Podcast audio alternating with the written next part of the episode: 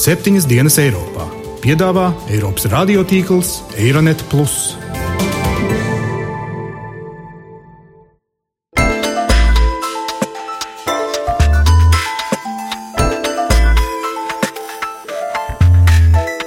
Šonadēļ septiņas dienas Eiropā dzirdēsim. Mēs nezinām, kādi būs apdraudējumi pēc gadiem, pieciem, desmit. Varbūt tā tiešām ir panika, paranoja un vajāšanas mānija.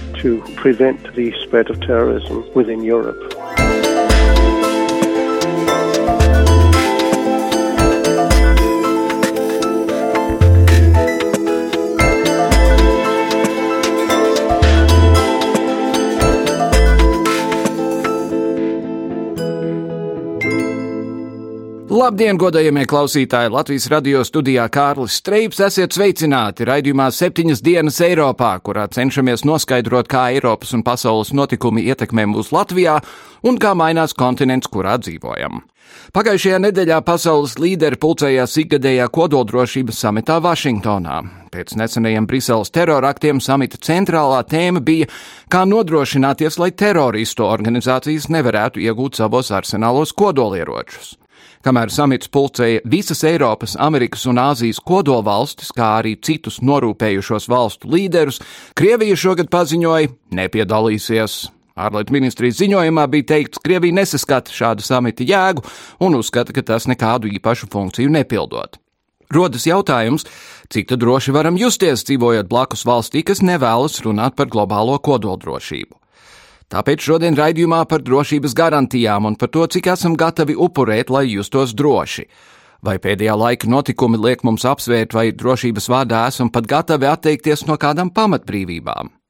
Bet vispirms par šonadēļ gaidāmo referendumu Nīderlandē. Dīvainā kārtā referenduma rezultātus dikti gaida Ukrainas iedzīvotāji, kamēr starp pašiem nīderlandiešiem tikai retais zina, ka vispār tāds notiks.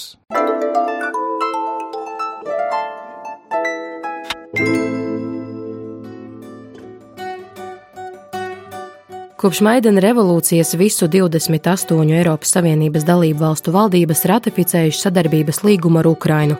Tomēr pagājušā gadā pieņemtie Nīderlandes likumu grozījumi nosaka, ka šādu sadarbības līgumu pieņemšanu var apstrīdēt, rīkojot referendumu. Ārpus valdības esošās partijas ātri savāca nepieciešamos 300 tūkstošus parakstus, un referendums notiks trešdien. Tikmēr opozīcija vada aktīvu kampaņu pret līguma parakstīšanu, reklāmas saukļos aicinot nepieļaut Ukrainas iestāšanos Eiropas Savienībā. Par spīti visām aktivitātēm lielākā daļa Nīderlandes pilsoņu nav informēti par referenduma norisi, kur nu vēl izprot tā nozīmīgumu Ukrainai. Stāsta holandiešu žurnālists, startautisko attiecību un populisma pētnieks Renē Kuperis. if you really analyze what's going on in the Netherlands, you can see that this referendum is not really about Ukraine. Analizējot notikumus Nīderlandē, ir redzams, ka šis referendums būtībā nav par Ukrainu. Tas ir saistīts ar vēlētāju vilšanos Eiropas Savienībā, vilšanos Briseles pieņemtajos lēmumos par eiro krīzi un bēgļu krīzi. Es domāju, ka daudz ir noguruši no Eiropas problēmām. Daudz cilvēku uzskata, ka sadarbības līgums ar Ukrainu būs viena problēma par daudz. Ukraine, for many people, is a problem too far, is a bridge too far. Referendums, lai arī nav Nīderlandes valdībai saistošs, ir kārtējs šķērslis Ukrainas virzībai tuvāk Eiropai, un holandiešu vēlētāju apātija vai neziņa var iedragāt pēdējo divu gadu progresu. Ir gaidāms, ka referendumā pret balss saņems vairākumu, un pat laban nav zināms, kāda būs Nīderlandes valdības tālākā rīcība. Eiropas komisijas prezidents Žans Klots Junkers paspējis brīdināt, ka Nīderlandiešu nē var izraisīt kontinenta mēroga krīzi. Cīņa pret teroru uzņem apgriezienus, un vairākas Eiropas Savienības valstis tagad pārmet Beļģijai tās pārāk vājo, pat vietām iztrūkstošo robežu kontroli. Vairākas drošības aģentūras pieprasījušas Beļģijai aizlāpīt savas atvērtās robežas, kā arī novērst nespēju lidostās veikt pastiprinātu cilvēku un bagāžas pārmeklēšanu lidojumiem no Alžīrijas, Tunīsijas un Turcijas. Vairāk par to, kā Eiropa reaģē pret teroru un drošības vārdā apsver atteikšanos no pamatbrīvībām, manas kolēģis Ievas Valēnas sižetā.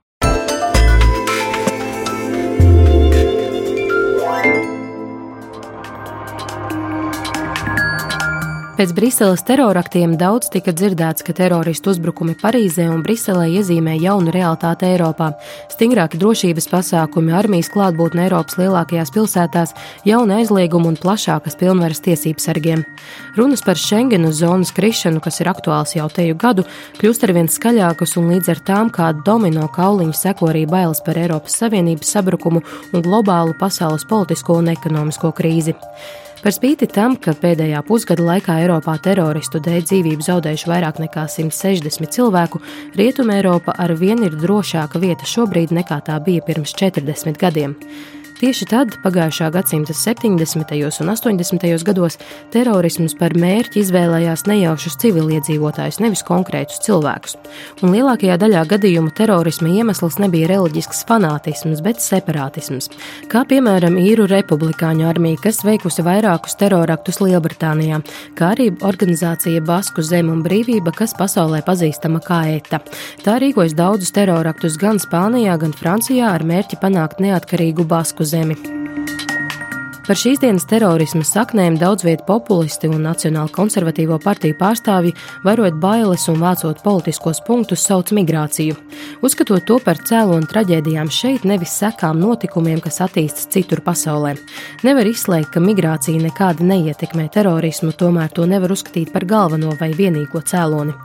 Turpina vēsturnieks Kaspars Zellis terorisms, ja, tas vienkārši ir ļoti cieši saistīts gan ar demografiskajiem, gan ar sociālajiem faktoriem. Un arī nevienmēr tas ir saistīts ar integrācijas kaut kādām, teiksim, domāju, citu tautu, ja citu etnosu vai citu reliģiju um, šo adaptāciju kaut kādā svešā, teiksim, sfērā. Cik daudz ar to, ka, teiksim, izaug paudze, kas vienkārši neredz šajā sabiedrībā savu nākotni kuram ir neticība, ja teiksim, savai valdībai vai vēl kaut kam tam līdzīgam. Un šajā gadījumā, ja viņi ļoti bieži izvēlās šo terora ceļu. To mēs ļoti labi teiksim, redzējām arī Rietumē, Eiropā, teiksim, 70. gados, kad eh, šie paši teroristi, ja, kas nāca no Eiropas jauniešu aprindām, ja, kas vienkārši nu, šajā sabiedrībā nespēja ar to šai viņā iekļauties kaut kādā veidā. Nu, ja patīk, varam lietot to vārdu integrēties. Teroristu uzbrukumi maina mūsu ikdienu. Kaut vai tik elementāras lietas kā ūdens pudeles atņemšana pie drošības pārbaudas lidostā. Tas ir sīkums, par ko paldies varam teikt teroristiem, kurai šķidro sprākstvielu palīdzību vēlējās pārsteigt ļaudis, kas devās ceļā no Lielbritānijas uz ASV un Kanādu 2006. gada augustā, izmantojot aviācijas firmu pakalpojumus. Toreiz Britu policija paspēja teroraktus novērst, tomēr izmaiņas pasažieru bagāžas noteikumos ieviesa. Pēc teroraktiem Briselē tika sasaukta civilās aviācijas drošības drošības komitejas sēde, bet nekādus jaunus drošības pasākumus pagaidām ieviest neplāno. Lai gan varam vilkt daudzas paralēlas ar pagājušā gadsimta teroristiem, ir viens ļoti svarīgs aspekts, kas maina cīņu ar terorismu šodien. Šiem fanātiķiem nav bail mirt. Viņi savu dzīvību ir gatavi dot par 72 jaunavām aizsaulē. Noteikuma maiņa maina arī stratēģiju, kas daudzās pasaules pilsētās nozīmē lielāku policijas un armijas klātbūtni, kā tas bija arī Briselē pirms terorakta pagājušajā mēnesī. Tāpat arī mantu pārbaudi muzejos, kā tas ir piemēram Vašingtonā. Bet vai ir iespējams, ka valdība, cīnoties ar terorismu, pārkāpj cilvēku pamatiesības?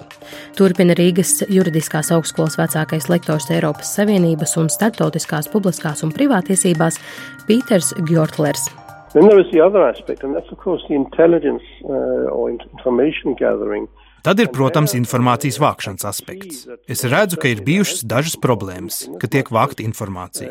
Ir jautājums par datu aizsardzību un tiesībām uz privāto dzīvi.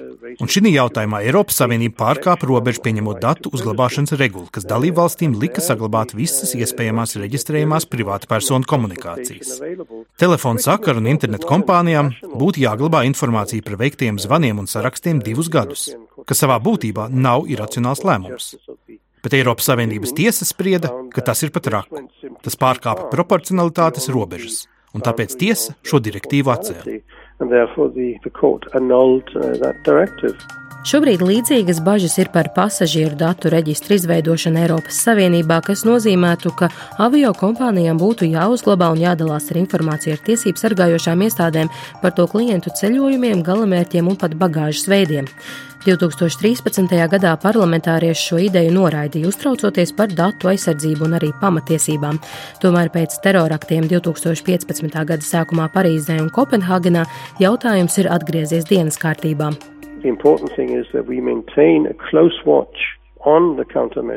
Svarīgi ir, lai mēs turpinātu pieskatīt šos ierobežojumus, lai tie nepārsniegtu to, kas tiešām nepieciešams. Un šobrīd vairāk cilvēki ir izteikuši kritiku, ka preventīvas metodas, ierobežojot ceļošanu vai pastiprinot drošības kontroli lidostās, ir neefektīvas. Un tas, kas tiešām ir nepieciešams, ir paaugstināt datu vākšanu un dalīšanās starp dalībvalstīm. Un tāpēc tā nav pozitīva tendence redzēt, ka dažas dalībvalstis, pieaugot terorisma draudiem, saka, mēs slēdzam savas robežas. Tagad paši gribam parūpēties par drošību. Jo, manuprāt, nodoms pašam parūpēties par savu drošību nav nenozīmīgs. Jo mums šeit, Eiropas Savienībā, ir labākā iespējamā platforma, lai sadarbotos un dalītos ar informāciju, lai jau saknē nocirst terorismu izplatību Eiropā. In order to prevent at the root the spread of terrorism within Europe stāsta Pīters Gjortlers. Bēgļu un migrantu pieplūduma dēļ, kā arī pēc Parīzes teroraktiem vairākās Schengenas zonas valstīs - Austrijā, Francijā, Dānijā, Vācijā, Norvēģijā un Zviedrijā - ir uz laiku atjaunota robežu kontrole. Terorakti maina arī Eiropas Savienības dalību valstu valdību attieksmi pret bēgļu uzņemšanu, un, piemēram, Polijas valdība nulikā iedevusi Eiropai kurvīti un solītos 7,5 tūkstošus bēgļu atteikusies uzņemt, jo tas varot palielināt terora draudus Polijā.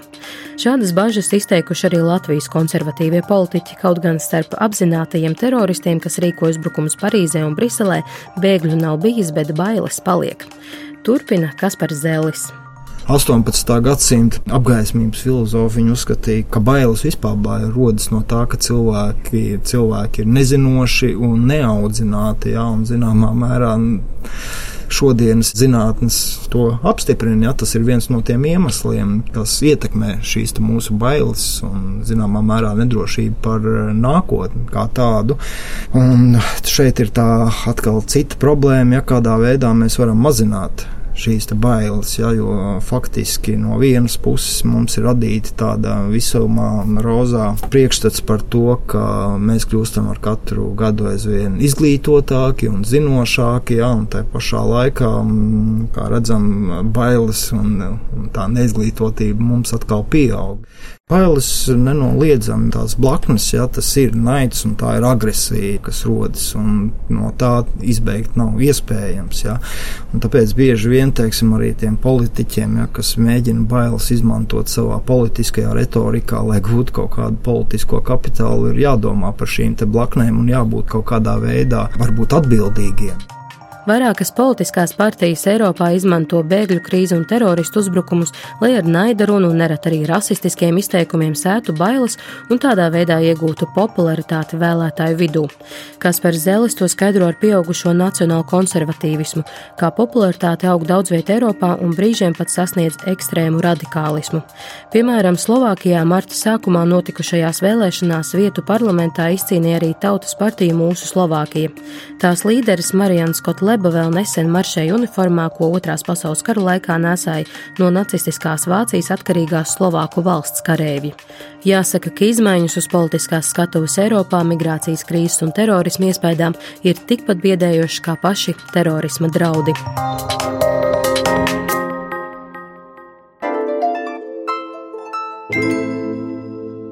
Arī pie mums krimināla likuma grozījuma priekšlikumi pēdējā laikā likuši sabiedrībai diskutēt par to, vai drošības iestādes drīkst ierobežot pilsoņu pamatbrīvības, lai nodrošinātu lielāku valsts drošību. Vieni apgalvo, grozījums steidzami nepieciešami, jo Latvijas pretspiegošanas un valsts drošības likuma regulas ir starp vājākām NATO un Eiropas Savienībā, citi bažīs par to, vai tik kāds necenšas ieviest likuma pantus, kas ierobežos vārda brīvību un ļaus vieglāk izrēķināties ar valstīm netīkamiem viedokļu paudējiem. Lai spriestu par šo grozījumu nepieciešamību un brīvības aizsardzības un drošības pretī nostādīšanu studijā esam aicinājuši Austrumēropas politikas pētījumu centra pētnieku Mārciņu Apurīti. Labdien! Labdien! Un Latvijas radio ziņu dienestu korespondenti Madaru Friedrichsoni. Labdien! Labdien! Vispirms valsts prezidents Raimons Vejonis savulaik izteica bāžas par to, vai grozījumi atbilst cilvēktiesību normām, un pirmajā preses konferencē pēc atvesļošanās viņš apgalvoja, ka šī brīža labojumi viņa prāt vairs nevieš šaubas, ka jaunais likums varētu ierobežot kādam vārda brīvību. Paklausīsimies! Saimā tur ir atrasti formulējumi, lai šādi pārkāpumi attiecībā uz cilvēku tiesību normu ievērošanu nebūtu, un piedāvātās redakcijas to arī atrisina. Līdz ar to arī no ekspertu viedokļa skatoties, piedāvāti krimināla likuma grozījumi atbildīs visām gan satversmes prasībām, gan starptautiskām cilvēku tiesību prasībām. Lūk, Madara, viņam ir taisnība. Nu, taisnība ir tik tālu, ka likumā saskaņā, teiksim, pret pirmo redakciju, vismaz komisijā šobrīd tik tālu, cik ir izskatīti priekšlikumi otrajam lasījumam, tā ir nepilna puse no visiem kopumā iesniegtajiem priekšlikumiem. Tagad ir precizēts, ka tām darbībām, par kurām iestājās šī krimināla atbildība ar brīvības atņemšanu uz laiku līdz astoņiem gadiem, tās ir darbības, kas ir pret satvērsmi.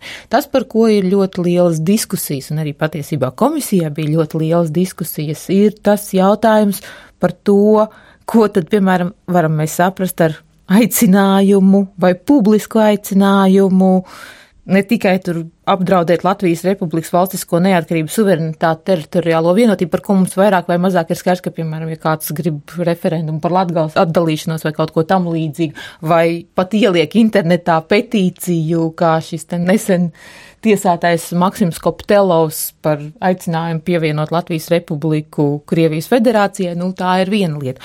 Otra lieta, ko norādīja, piemēram, deputāts Andrēs Judins, ir sabiedriskās politikas iniciatīva šajā vietnē, sabiedrisko iniciatīvu vietnē Mana balss LV kopš 2012. gada. Stāv iniciatīva samazinām saimas deputātu skaitu no 100 uz 50. Paskatījos uz šo brīdi, to ir parakstījuši 7980 cilvēki. Principā arī šis ten aicinājums šajā ten vietnē ir aicinājums grozīt tā kā valsts iekārta. Vai ieviest prezidentālu republiku? Jā, tieši tā, jā, tas bija otrs, jā, ka mums ir bijuši vairāki satversmes grozījumu projekti, ko ir izstrādājuši dažādi juristi, varbūt viņu biedrības partijas ir virzījuši, teikuši, nu, lūk, ieviešam prezidentālu republiku, tam līdzīgi. Arī tā patiesībā ir šī valsts iekārtas diezgan būtiskas patiesībā izmaiņas. Un te ir tas jautājums, kurā brīdī kā to novērtēt. Jā, jo mēs jau saprotam arī, ka, teiksim, šo te satversmē neparedzētu. Beigu beigās jau lemj tiesa. Vai ir bijusi, teiksim, šī te krimināla atbildība, vai šis ir satversmē neparedzēts gadījums. Tas jau nenozīmē to, ka pret kādu cilvēku, kurš būs izdomājis, teiksim, kā Belousovs Oļeks aicināt samazināt saimnes deputātu skaitu, kāds iniciatīvas bagāts drošības iestāžu darbinieks neierosina kriminālu procesu, neizmeklē viņa diezgan ilgus gadus un Nu, un beig, beigās, jā, mēs ejam līdz apelācijai, kasācijai un, un Eiropai un, un Eiropas cilvēktiesību tiesai. Jā, un tur ir jautājums, Māri, kā tas izskatās uz kopējā fona, jo es pieļemu, ka diezgan daudzās valstīs pat labi notiek šāda tipa diskusijas. Kā mēs rēķinamies ar jauno situāciju? Faktiski līdzīgas diskusijas jau ir vairāk vai mazāk notikušas no 2001. gada 11. septembra, kad parādījās ASV un arī tā skaitā pēc tam teroristu uzbrukumu ietvaros Eiropā šī svara kausa starp lielāku brīvību un demokrātijas visiem pamatprincipiem un drošību. Jo skaidrs, ka drošības nodrošināšanai kaut kas tomēr ir jāupurē. Un, protams, lielākās sabiedrības to nevēlas darīt. Arī, piemēram, nu, klasiskais variants, ja mēs regulāri izmantojam lidostas pakalpojumus, mums tur jānovēl kurpes, mums ir jāsaliek visu kosmētiku mazā maisiņā, kas pirms 12 gadiem, 15 gadiem nekas tāds nebija jādara. Tas mums rada apgrūtinājums, protams, pret ko mēs iebilstam, bet teorētiski tam vajadzētu uzlabot mūsu drošību. Ne tikai teorētiski, tas praktiski nu, jā, jā, nu, protams, vēl tagad var daudz runāt, kas tagad notiks pēc Briseles teroraktiem un vai tas pats netiks attiecināts, piemēram, uz lidos tēkām. Bet, ja skatāmies to pēdējā laika un arī reģionālo kontekstu, cik man sanāca apstīties arī to mūsu kaimiņu valstu un, pieņemsim, Skandināvijas līdzīga veida normatīvos aktus, tad tur ir virkne ļoti līdzīgu, pēc būtības līdzīgu normu, kas arī paredz vērsties par pārkāpumiem, paredz atbildību, kriminālu atbildību, piemēram, vai nu par ziņu izpaušanu, vai nu par apzinātu valsts noslēpuma iegūšanu, un, protams, pavisam noteikti par tādām darbībām, gan vardarbīgām, gan nevardarbībām, kas ir vērstas pret valsts, pret šo valsts konstitucionālo iekārtu. -hmm. Tā kā mēs esam varbūt viena no tiem, kas tikai seko tādai kopīgai tendencei, kas ir novērojama reģionā, kas, protams, ir loģiska reakcija uz mūsu lielās austrumu kaimiņu valsts darbībām. Tikpat labi es teiktu, ka patiesībā arī uz Daīšu, jeb Islāma valsts aktivitātēm, jo tur jau arī iet runa par vispasaules kalifātu. Jā, jo kāda problēma Zviedrijai ar Krieviju? Zviedrijai ir pilnīgi cita situācija attiecībā uz savu konstitucionalitāti un visu pārējo nekā mums. Mm, un arī, piemēram, teiksim, Skandināvijas valsts ir ļoti labs piemērs, jo tās ir arī uzskatāmas par tādiem demokrātijas paraugiem arī visai pasaulē. Un, nu, teiksim, ja viņām ir šādas normas, tad tas ir ļoti labs piemērs. Bet arī pieminētais Daīšs vai pieminētais, mēs nezinām, kādi būs apdraudējumi pēc gadiem, pieciem, desmit. Varbūt, teiksim, lielākais apdraudētājs nebūs Krievija vai Daīša, bet mēs varēsim runāt par Ķīnas vai varbūt kādas citas valsts interesi Latvijā. Un šāda te grozījuma pavisam noteikti ļautu kaut kādā mērā mums stiprināt to mūsu valsts institūciju, mūsu satversmes pozīciju investīcijas. Piemēram, pievienosimies Indijai. Nu, arī varbūt, jā. jā. Madara, es zinu, ka žurnālistu saimē šis jautājums par slepenu informāciju izsauc lielu ažiotāžu, tāpēc, ka Solvita Abotiņa savu laiku atrada pa vajadzīgu piesaukt Agnes Mergeviču šajā kontekstā, sakot, ka, kad Agnes izpētīja, ka drošības policijā strādā cilvēki ar aizdomīgu bagātību, nevis Solvita runāja par bagātību, bet gan par to, kā Agnes tika tam klāt. Vai šis jautājums ir atrisināts? Jā, šī ir tā daļa savukārt, līdz kurai, līdz diskusijām par komisiju, par kuru nav tikusi, tad šis ir tas strīdīgais pants. Pēc manas izpratnes ir 95 prim pants, un pirmais lasījums viņš izklausās šādi par valsts noslēpuma nelikumīgu iegūšanu, ja šim nodrījumam nav spiegošanas pazīmju. Soda ar brīvības atņemšanu uz laiku līdz trim gadiem, vai tur naudas sodu un tā tālāk. Bet tā tad, principā, pilnīgi pietiek ar to, ka tu esi ieguvis kaut ko, kam kādam ir lapaticies piešķirt kādu nebūtu slepenības grifu. Mēs, piemēram, zinām, ka tas pats konsultantu līgums, kur ietveros Prudentija konsultēja Air Baltica un atrada beigu beigās viņiem šo ten investoru Ralfu Montāgu Girmesu, jā. Ja? Viņš ir konfidenciāls, viņš ir konfidenciāls gadu garumā. Un tajā brīdī, kad kāds kaut kādā veidā tiek varbūt pie šiem līguma, pie šī ministru kabineta lēmuma, kuram ir šis status, ja, viņam jau var sanākt nepatikšanas, jo kā mēs atceramies ļoti labi, piemēram, Šeit pašā ir Baltika sakarā. Tad, kad uh, Latvijas televīzijā parādījās vēstis par to, ka ir priešlikums slēgt mierizlīgumu ar vairākiem naskiem zeļiem, kas ir saistīti ar fliku vai gluži otrādi, kurus piesadz fliks, kas notika? Uz televīziju ieradās drošības policija, darbinieki tika saukti uz drošības policiju stāstīt, kā jūs esat ieguvuši šo te, cik nu man ir tā informācija tiem darbiniekiem visādajās arī šajās sarunās ar drošības policistiem draudzīgajiem tika tā kā doti dažādi mājieni par to, ka mēs dzirdam jūsu telefonu sarunas, kā klājas jūsu bērniem, vai viņi ir izveseļojušies Jēzi. un tam līdzīgi. Un ja mēs, teiksim, paskatāmies šo pēdējo gadu kontekstu tevis minēto par Agneses Margēvičas pētījumu par drošības policijas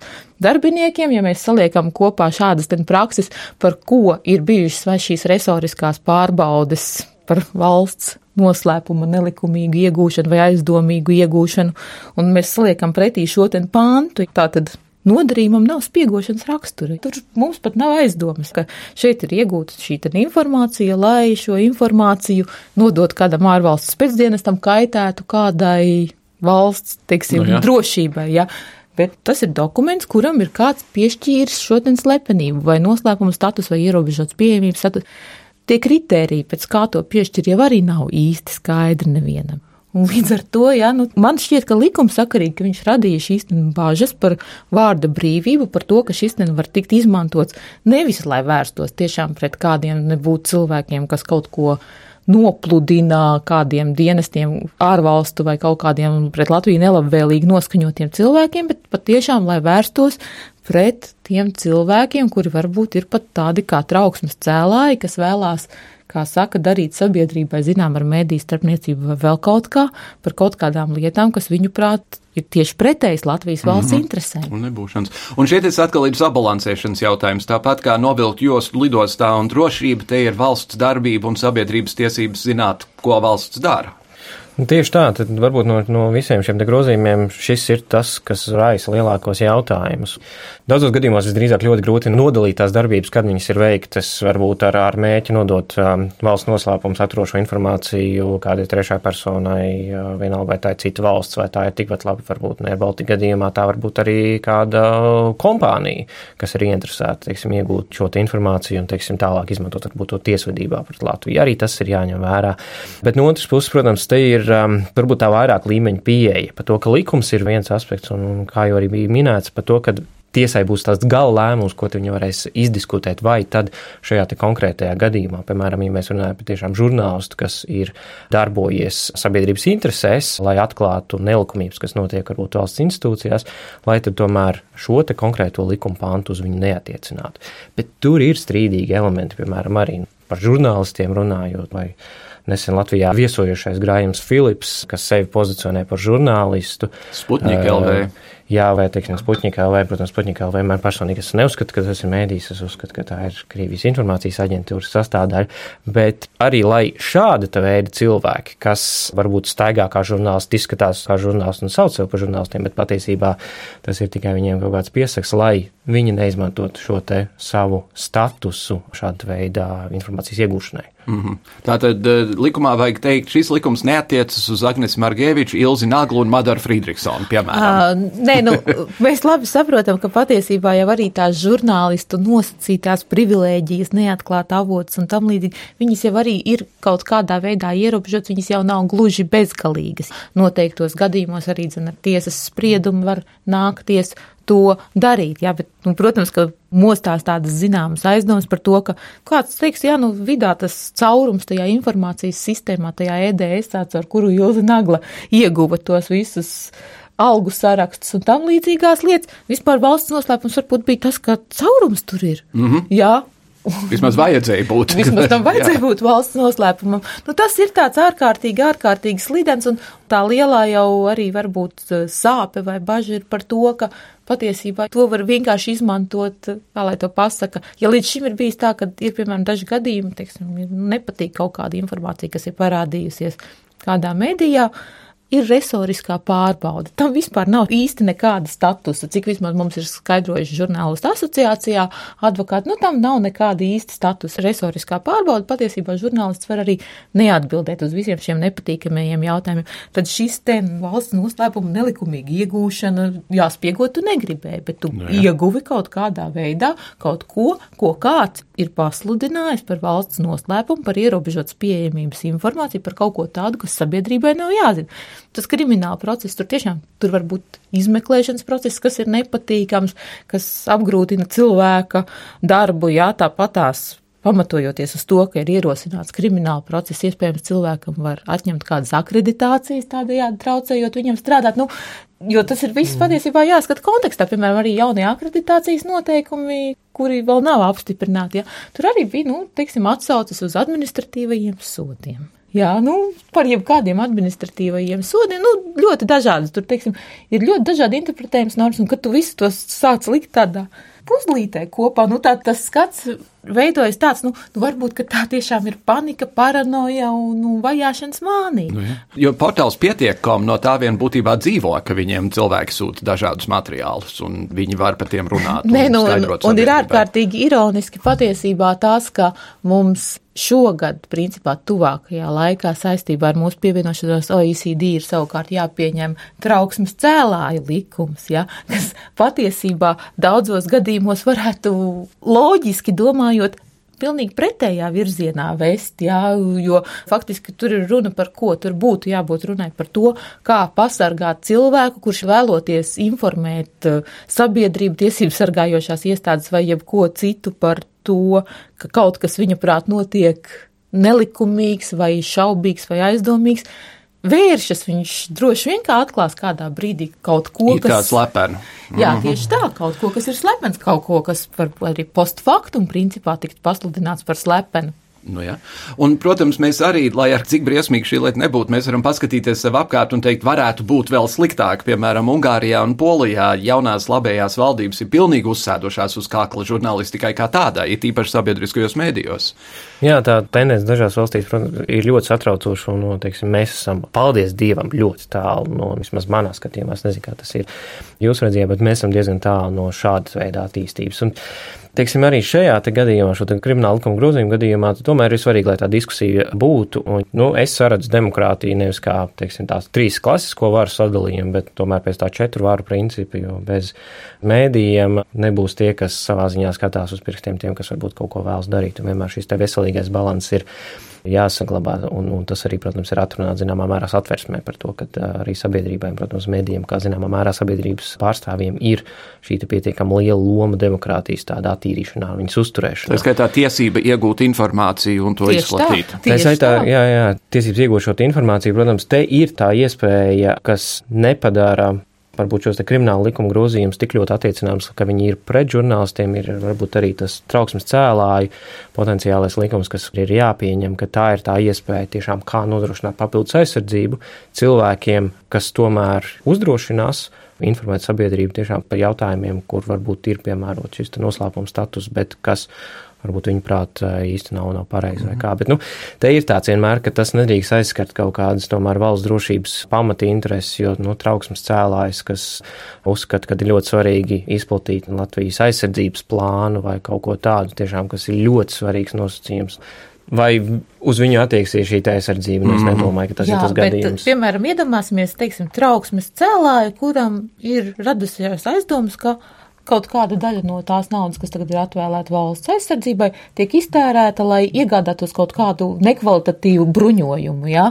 Nu, Vai zirgu gvārdi lidostai? Nē, nu, zirgu gvārdi tas jau būtu tā kā pārspīlējums, ja? bet, teiksim, nekvalitatīvu bruņojumu. Ja? Tajā brīdī, kad viņš, teiksim, nopludina kaut kādus dokumentus, nezinu, viņam, piemēram, kļūst zināms, ka tur ir, nezinu, savākuši, teiksim, ir dokumentus, kas apliecina, ka ir kaut kādi gadījumi, kad šīs ten kaut kāda kaujas tehnika nav nostrādājusi cita valsts, nu, visu, ko veidoja. Mm -hmm. Teiksim, cilvēks tiešām uztraucās, viņš domā, ka tās naudas jau aizsardzībai vēl aizvien ir tik maz, ka viņu vajadzētu liederīgi tērēt. Viņš nopludina šos ten dokumentus, kas tā kā raisa viņa bažas.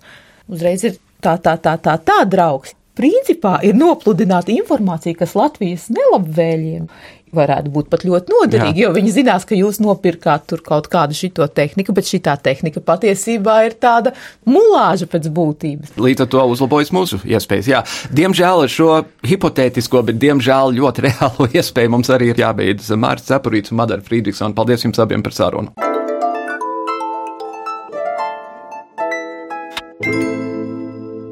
Ik gadu Eiropas radiotīkls Eirenet Plus rīko lielu diskusiju, kur politiķiem tiek uzdoti tie jautājumi, uz kuriem klausītāji grib dzirdēt atbildes.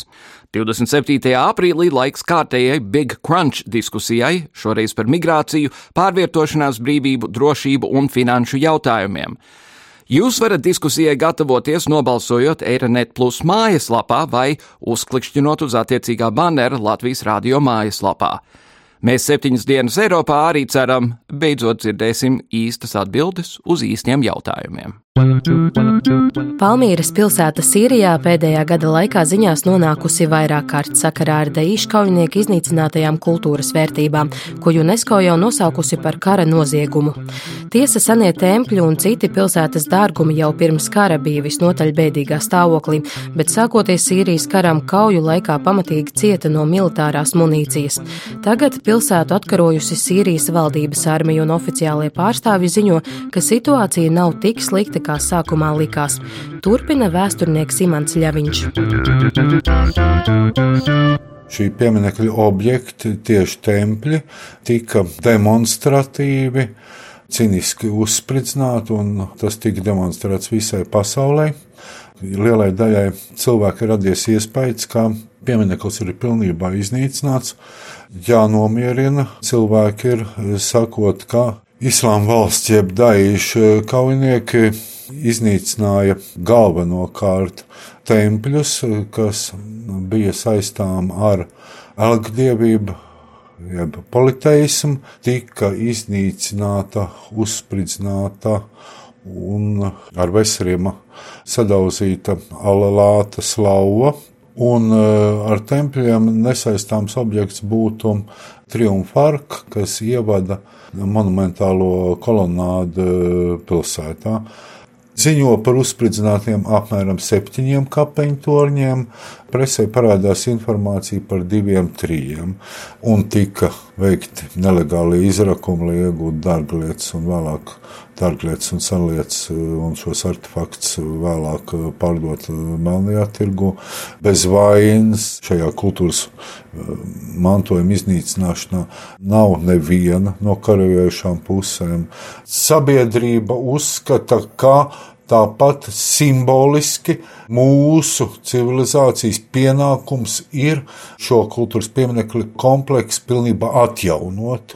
Pāris dienas atpakaļ tika nodibināts UNESCO paspārnē speciāls fonds, kur visas dalību valsts iemaksās kādu dalības maksu šī pieminiekļa rekonstrukcijai. Cik no tā rekonstrukcija būs iespējama? Tā būs liela summa, jo pēc valsts ermitāžas eh, direktora izteiktām prognozēm tas varētu sastādīt eh, vismaz 100 miljonus dolāru. Ar to arī izskan šīs nedēļas septiņas dienas Eiropā. Paldies, dāmas un kungi, ka klausījāties. Katrā gadījumā cerēsim, ka saimu un arī politiķi citās valstīs ļoti rūpīgi padomās, pirms sākt pieņemt dažādus noteikumus, kas tiešām varētu ierobežot mūsu brīvības. Līdz nākamajai nedēļai Kārlis Streips jums saka visu labu!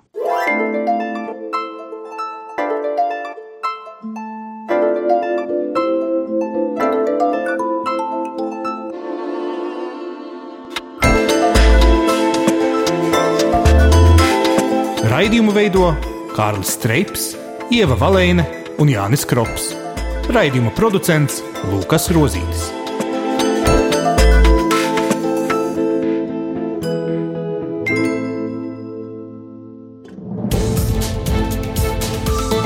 Visus Eironet plus sižetus un raidījumus meklējiet Latvijas radio mājaslapā.